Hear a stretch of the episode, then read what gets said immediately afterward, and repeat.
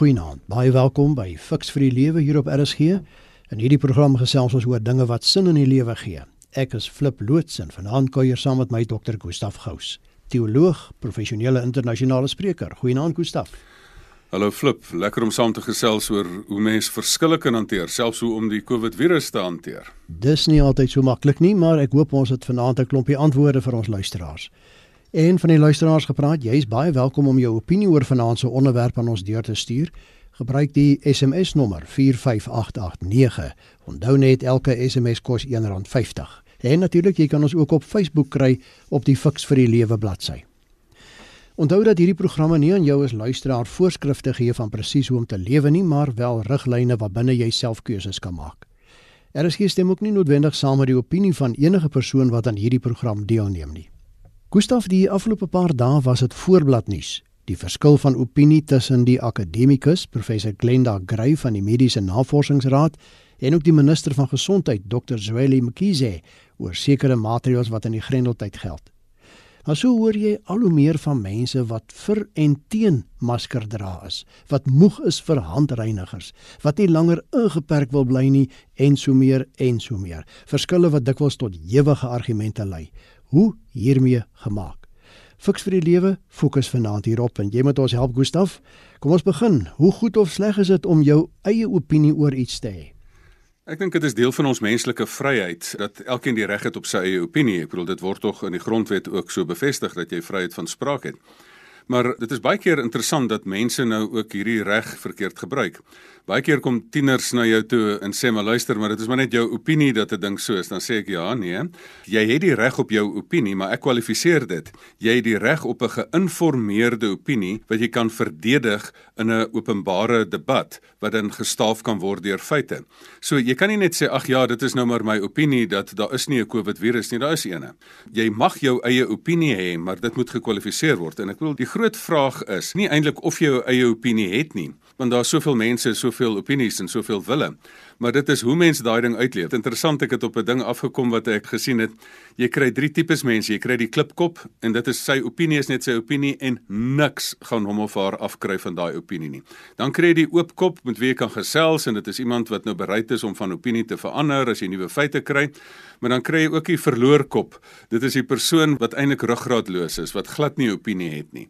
Daai persoon het eintlik maar die opinie van die laaste artikeltjie wat hy op sosiale media gelees het as die persoon enigsins lees. Is dit goed of sleg om 'n opinie te hê? Natuurlik moet jy 'n opinie hê, maar natuurlik moet jy ook weet hoe om jou opinie uit te brei en kennis vorder net. Selfs die hele akademiese wêreld vorder dat daar 'n opinie is en dat daar beter navorsing gedoen word en dat daar 'n nuwe opinie kom en net die oopkoppe kan dit aanvaar en aanbeweeg sodat daar meerdere kennis kan kom. Ek dink die volgende logiese vraag wat hieruit vloei, Gustaf, is juis wat is die beste manier waarop ek dan nou my opinie aan 'n ander kan oordra? Veral as dit nou met hulle sin verskil. Is daar byvoorbeeld net een regte manier of is daar meer? Uiteraard is daar meer as een regte manier is, maar daar's ook duidelike verkeerde maniere. Jy het die diktatoriale manier. Dit is daai manier van hoe jy dit hanteer. Dis my opinie en as jy nie saamstem nie, dan slaan ek jou net hard genoeg sodat jy my opinie aanvaar. En dit is dan ook die bekommernis wat mense gehad het. As iemand 'n opinie stel en daar's 'n magswanbalans en iemand wat meerdere mag as jy het wat jou kan bedreig of sê maar luister ek kan jou posisie wegneem of ek gaan jou ondersoek, dit maak dat die debat nie kan aangaan nie. Daar's so baie ander maniere, nie net die diktator manier nie. Daar is die bekleierige manier van mense wat net oor alles wil stry dan is daar die doelbewuste destruktiewe manier van mense van dinge ontspoor. Daar's opleidingsskole wat doelbewus jou leer om 'n ander persoon af te kraak en iemand dood te swyg en iemand te ignoreer. So daar's baie sulke verkeerde maniere hoe mens opinies kan uitwissel. Ek dink die korrekte manier is in die algemene riglyn van jy moet met die regte houding met logiese inhoud met die korrekte stemtoon en met die regte luistertegnieke moet jy dit basies kan hanteer. En ek dink die regte houding is dan dat jy 'n leerbare gees het. Dat jy nie sê maar ek is reg en jy's verkeerd nie, maar dat jy sê ek is reg en kom ek kyk of ek nie iets by jou kan optel wat ook tot my kennis kan toevoeg nie. Die logiese ding is jou inhoud moet reg wees. Jy kan tog nie staan en swak navorsing aanhaal nie. Jou inhoud moet jy ook bereid wees om aan te pas want jy moet ook appels met appels vergelyk. En dan moet jy ook met die korrekte stemtoon. Die oomblik as daai debat het sy in Facebook en hoofletters raak of het sy dan 'n stemtoon 1 of 2 oktawe opgaan, dan is die gesprek in elk geval daarmee heen. So ek gaan al baie keer so ver dat ek al vir mense as mens nou langer tyd het vir mense ek noem dit die dekaloog vir dialoog. Ek noem dit die 10 gebooie vir dialoog het. Dat jy sekere reëls het. Dis 'n spelreël wat jy aan die reëls moet voldoen. As jy buite die reëls speel, dan moet jy eintlik nie saam speel in die debat nie. Jy het gepraat van 'n leerbare gees. Nou, hoe reg of verkeerd is dit vir mense met ander opinies as myne om my oor myne te verkleineer of dit af te skiet as sou dit dan nou belaglik en sonder gronde wees? Ek het dit alself al ondervind in hierdie tyd dat jy 'n standpunt stel. Daar's twee duidelike kampe byvoorbeeld. Daar's nou byvoorbeeld die duidelike kamp van die isolasiekamp van ons moet ons nou eenkant en apart hou en dan is daar die mense wat in die kamp is van die sogenaamde trop immuniteit en dat 'n mens stelselmatig mense moet blootstel want almal moet dit kry en meer as 60% van die bevolking en dan is daar trop immuniteit. Afhangende nou van waar jy nou in hierdie debat is, dan stel jy nou 'n standpunt wat nogal deur baie goeie opinies ondersteun word en dan skiet die persoon nie die saak af nie, maar hulle skiet die man af. So dis 'n ou tegniek wat mense dan gebruik. As hulle nie die logiese argument kan voer nie, probeer hulle jou verkleineer of hulle probeer die bron wat jy aanhaal diskrediteer. Hulle speel dan die man of die vrou en nie die bal of die saak nie. As jou logika nie sterk genoeg is nie, dan kraak jy die persoon af. Dis amper soos 'n ou dominees, argument weak shout. Het een persoon een keer geskryf langs 'n spesifieke preekpunt. As jy nie die saak kan wen nie, dan probeer jy gewoonlik die persoon afkraak. Maar hoe moontlik is dit dat mense 100% oor alles sal saamstem? Dankie tog dat dit nie moontlik is nie want as almal saamstem, daar's 'n hele ding wat mense ook noem van die Engelse noem dit groupthink, dat as almal saamstem, dan kan almal dalk verkeerd wees. Die hele akademiese wêreld berus daarop dat mense 'n paradigma skep en dat iemand dan sê maar okay, dat hierdie ding werk nou vir ons. Robert Popper was die bekende filosoof en denker wat gesê het, hy sê daar's 'n nuwe denkraamwerk. Byvoorbeeld, voordat ons ou raamwerk was, het op hierdie manier besigheid doen en ons het gesamentlike byeenkomste gehad en naby mekaar gewees. Hier kom 'n nuwe denkraamwerk. Nee, dit is beter om bietjie bietjie afstand te hou dat kieme nou nie of, of die virus nou nie oorgedra word nie. Nou kom mense agter my, ons kan nie so ekonomie bedryf nie. Nou moet ons iets verder doen. Nou moet mense nou weer juis weer van hierdie ou nuwe paradigma verskil sodat ons by 'n nuwe paradigma kan uitkom dat ons kan sê maar luister, lewe staan nie teenoor die ekonomie nie. Ekonomie is lewe. En so is meningsverskil juis in die akademiese wêreld die manier hoe akademiese artikels groei en in enige debat is dit die manier hoe menslike wysheid groei. So dankie tog dat alle mense nie altyd saamstem nie. Jy luister na RSG en dit is die program Fix vir die Lewe. Ons gesels vanaand oor hoe om onderlinge verskille te hanteer. Ek is Flip loods en my gas is Dr. Gustaf Gous. En jy as luisteraar kan gerus jou opinie oor die onderwerp van vanaand deurgee. Gebruik die SMS nommer 45889. Onthou net SMS'e kos elkeen R1.50. Gustav, dis miskien 'n moeilike vraag, maar kom ons kyk of ons 'n antwoord hierop kan kry. Wat kan veroorsaak dat mense soms so ewig van mekaar verskil en watter rol speel my ego daarin? Hierdie is miskien die kern van hoekom mense by mekaar verbypraat. Die ego ding is miskien een van die interessantstes. Want sê nou maar jy het nou een kant van die argument wat jy nou ondersteun dat mense moet mekaar toesluit, ons isoleer sodat ons daai kurwe kan plathou. Dit is die een standpunt sodat ons die virus tot stilstand kan bring of minstens kan terughou. Die ander standpunt is nou natuurlik dat die ding sy natuurlike loop moet neem, dat daar trop immuniteit moet kom en dat mense net gereed moet wees om dit te doen. Nou hierdie is redelike emosionele onderwerpe. Nou gestelde persoon het hom nou verbind aan die eerste onderwerp en hy besef nou nee my eie besigheid speel nou bankrot. Ons sal nou maar weer dit moet oopmaak of daar kom kom logiese argumente van nie net mediese kenners nie, maar ook van ekonomiese kenners en ook van sielkundiges wat sê en sosioloë wat se effek dit op die samelewing het, dan is die persoon so verbind aan die eerste opinie dat hy nie kan afstand doen daarvan nie. En dan voel 'n persoon bedreig en dan begin 'n persoon inligting miskyk net omdat jy jou ou standpunt wil basies verdedig soos die denker Popper gesê het, jy het 'n paradigma wat dan geverifieer word, die ding werk en dan word hy ook gefalsifiseer. Hy werk nie meer nie en dan moet jy aanskuif na 'n nuwe een toe. En dan sal baie mense wat dan vasklou as gevolg van hulle ego aan 'n vorige standpunt. Die ander rede hoekom mense so ewig van mekaar verskil is wanneer daar 'n belang op die spel is. Daar's baie keer mense wat maatskappye bedink, selfs in die mediese wêreld of in die dieetkundige wêreld dat mense dan 'n sekere nuwe dieet voorstel en dan het 'n farmaseutiese maatskappy sien maar 'n persoon kan huur, het sy 'n akademikus om die ander ding daar te stel. Die oomblik as jy betaal word vir 'n opinie, dan is jy nou nie ook nie meer onafhanklik nie. So daar is verskillende maniere hoekom mense so by mekaar verbypraat. Vir my is een van die grootstes is dit die onvermoë om regtig logies te dink. En ons dink daar's net een tipe logika. Die een tipe logika is die kom ons noem dit nou maar die wiskundige ooreenstemmende logika. A is gelyk aan B, B is gelyk aan C en dan daarom is A gelyk aan C. Dis die Aristoteliese logika. Maar daar's 'n ander tipe logika ook. Is soos Hegel het hy sê dis 'n stelling, 'n teenstelling en 'n samestelling. Daar's 'n man, 'n vrou wat heeltemal verskil en daai word 'n kind gebore. Daar's God, mens en daar's Jesus. So hier is 'n ander tipe van denke. Nou sê mense dit is of isolasie of ons moet oopstel sodat mees 'n klomp mense die immuniteit kan opbou in die samelewing. Nou hoekom dit teenstrydig maak? Hoekom nie dit albei dit inklusief maak nie? Hoekom is dit nie dat jy eers vir 'n tydelike tydjie kan jouself inperk en in 'n grendelstaat leef en dan dit stelselmatig oopmaak nie? So die onvermoë van mense dan om logies en inklusief te dink en die verskillende forme van logika te gebruik. Dit is al die redes hoekom mense so ewig van mekaar verskil. Die eenvoudigste rede is mense luister net nie na mekaar nie. Hulle voer 'n dubbele monoloog. Jy stel 'n standpunt en dan sê die ander persoon nee, ek stel 'n ander standpunt en dan luister jy nie na die persoon nie. En so praat ons by mekaar verby en so mis mens eintlik die hele punt as dit so aangaan. Maar kan dit dan moontlik wees Gustaf dat daar meer as een regte antwoord op 'n situasie kan wees en dat mense met verskillende opinies dalk almal tog reg mag wees? In sekere gevalle kan dit so wees. Ek het altyd die verhaaltjie van die vyf blinde mense wat by 'n olifant staan en een staan by die poot van die olifant en en is almal sogenaamde olifantkenners. Nou vra hy van hoe 'n olifant? Hy sê nee, dit is soos 'n pilaar. En dan sê die ander ou nou, hoe 'n olifant? Hy sê nee, dit is soos 'n dak. Hy staan onder die maag van die olifant. En die ander persoon sê nee, nee, nee, olifant is soos hierdie soliede, fantasties. Ek weet nie wat dit is nie, maar is 'n fantastiese ding. staan by die die voor van die olifant, die tande.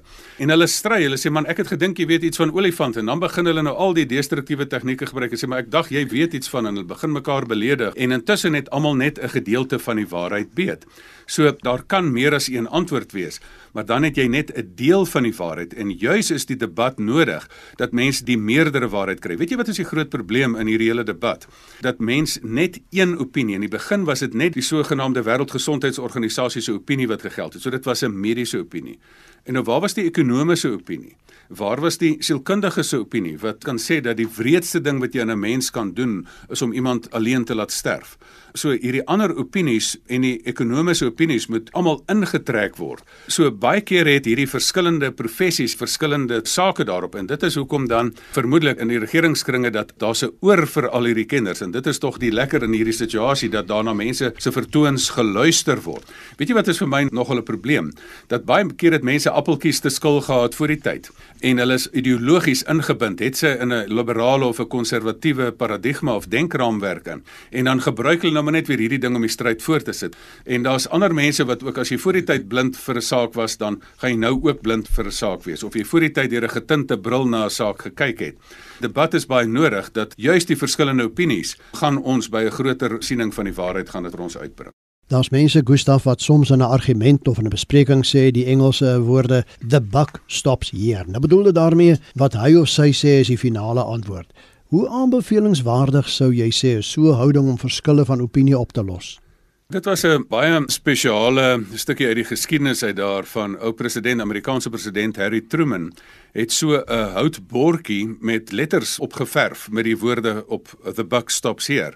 Wat simbolies daarvan is, wat eintlik nogal mooi is, is dat erns moet iemand die finale besluit neem en verantwoordelikheid vat. Want daar's so baie mense wat te bang is. Hy's baie maklik lewer jy kritiek op Facebook, maar jy's nie president wat moet pa staan en verantwoordelikheid vat nie. En dit is maklik om van die kant af te praat, maar as jy die finale finale verantwoordelike persoon is, dan moet jy baie mooi dink. In daai opsig is dit belangrik dat iemand met die besluit neem. Die vraag is egter hierson: Wie en hoe word die besluit geneem? Daar's verskillende maniere. In Suid-Afrika het ons 'n geneigtheid in sekere politieke kringe dat die kollektief neem die besluit. Niemand wil die finale besluit neem nie. Maar dit een op sy goed is want is inklusief, maar mense kan ook lekker skuil agter die verantwoordelikheid van nee, dit is nie ek wat tot boek gebring kan word nie. Dan is daar 'n ander manier om tot besluitneming te kom en dit is gewone demokratiese stemming van 50% plus 1 wen die stemming. Dit is ook goed want dit bring mense tot 'n vinnige besluit. Die probleem is dat die minderheidsstandpunt word nie gehoor nie en van my baie spesialis motiveringsspreekers vriende en konsultantvriende in Europa, een spesifieke Nederlandse vrou praat baie keer oor die kwessie van diep demokrasie dat die minderheid se besluit moet ook geïnkorporeer word in die finale implementering want die minderheid kan dalk 49 uit die 100 mense wees.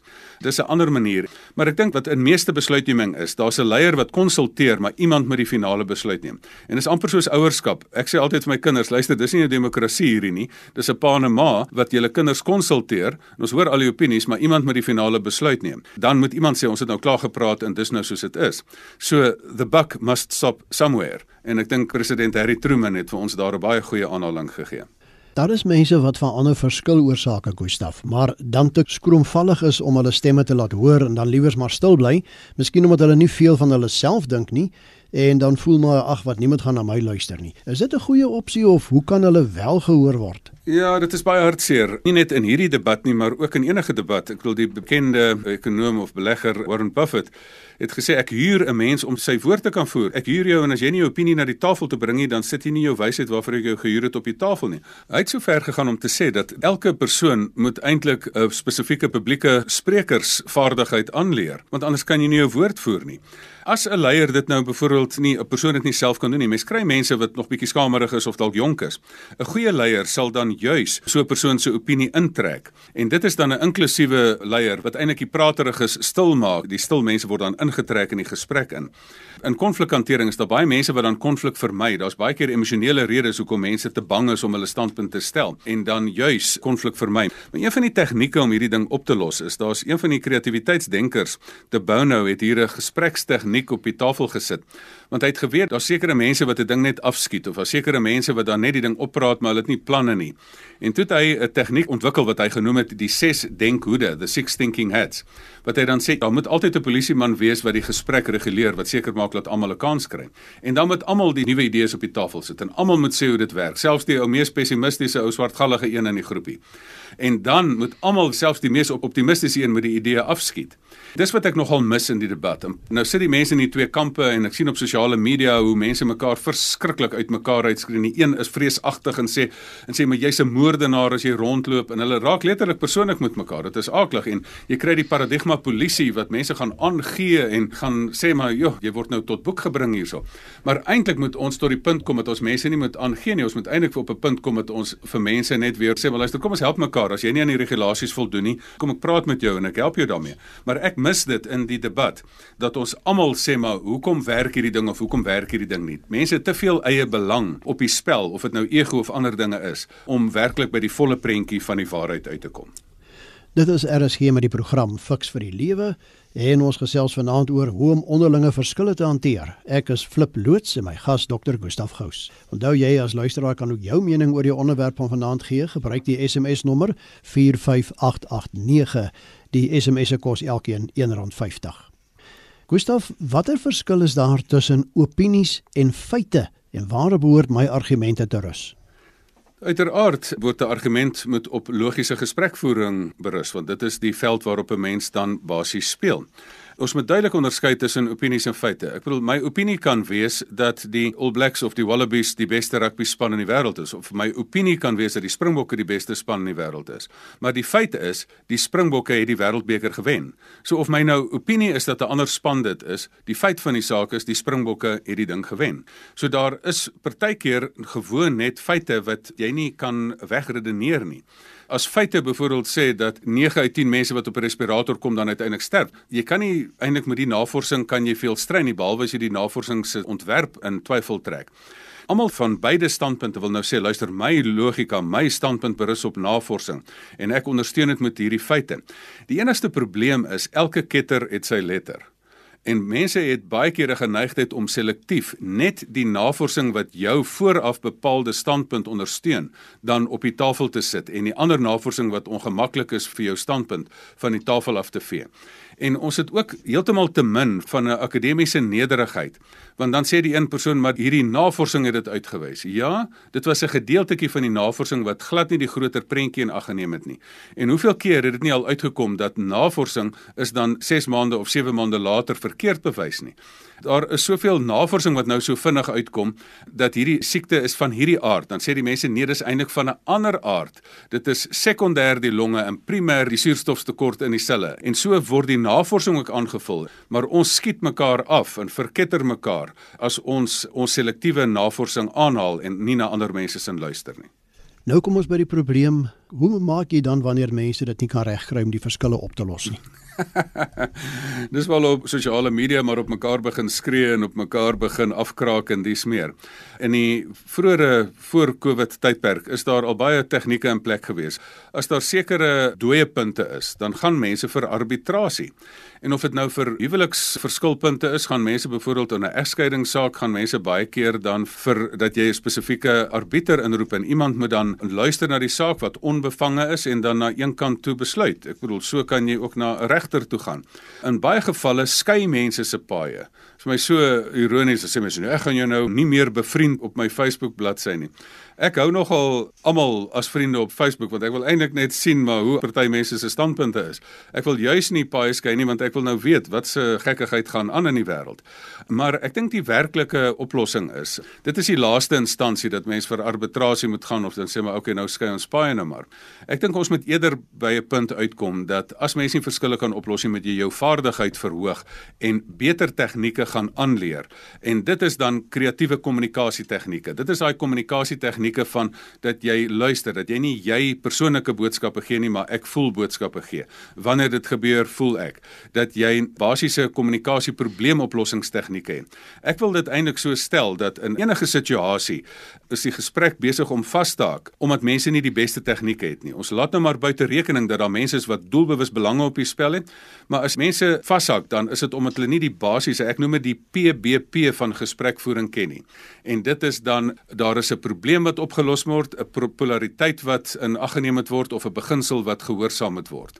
So in meeste van hierdie gevalle is kommunikasie kom basies daarop neer dat mense net nie gewoon die reëls vir kreatiewe probleemoplossing volg nie of dat hulle nie besef hierdie ding is nie 'n oplosbare probleem nie, dis 'n polariteit. Wie's reg, mans of vrouens? Albei is reg, maar baie keer is albei ook verkeerd. En baie keer is die beginsel dat ons lewe moet ondersteun. Ja, maar moet ons dit nou net doen deur almal gesond te hou maar hulle besighede te breek? Die ekonomie is ook besigheid. Armoede gaan ook mense doodmaak. So ons moet die beginsels in ag neem. So hierdie vermoë om regtig debatte voer is iets wat ons onsself baie beter in sal moet skool. En net vinnig jou opinie Gustaf, hoe kan onderlinge verskille produktief wees indien enigsins? Ek dink die die groot kuns wat ons hier het, is dit kan of destruktiewe of konstruktiewe spanning wees. Verskille is produktief, maar dit kan destruktief in jou gesig ontplof as mense nou heeltemal nou dit hand uitruk en hulle persoonlike belang bo die waarheid sit. Konstruktiewe spanning bring ons tot nuwe kennis en nuwe lewe. Nou ja, kom ons vat saam Gustaf. Daar's baie verskille in hierdie tyd van inperkings. Jy daarna verwys. Die koronavirus is daar. Ons verskil oor hoe sake hanteer moet word. Daar's ook onderlinge verskille tussen gesinslede.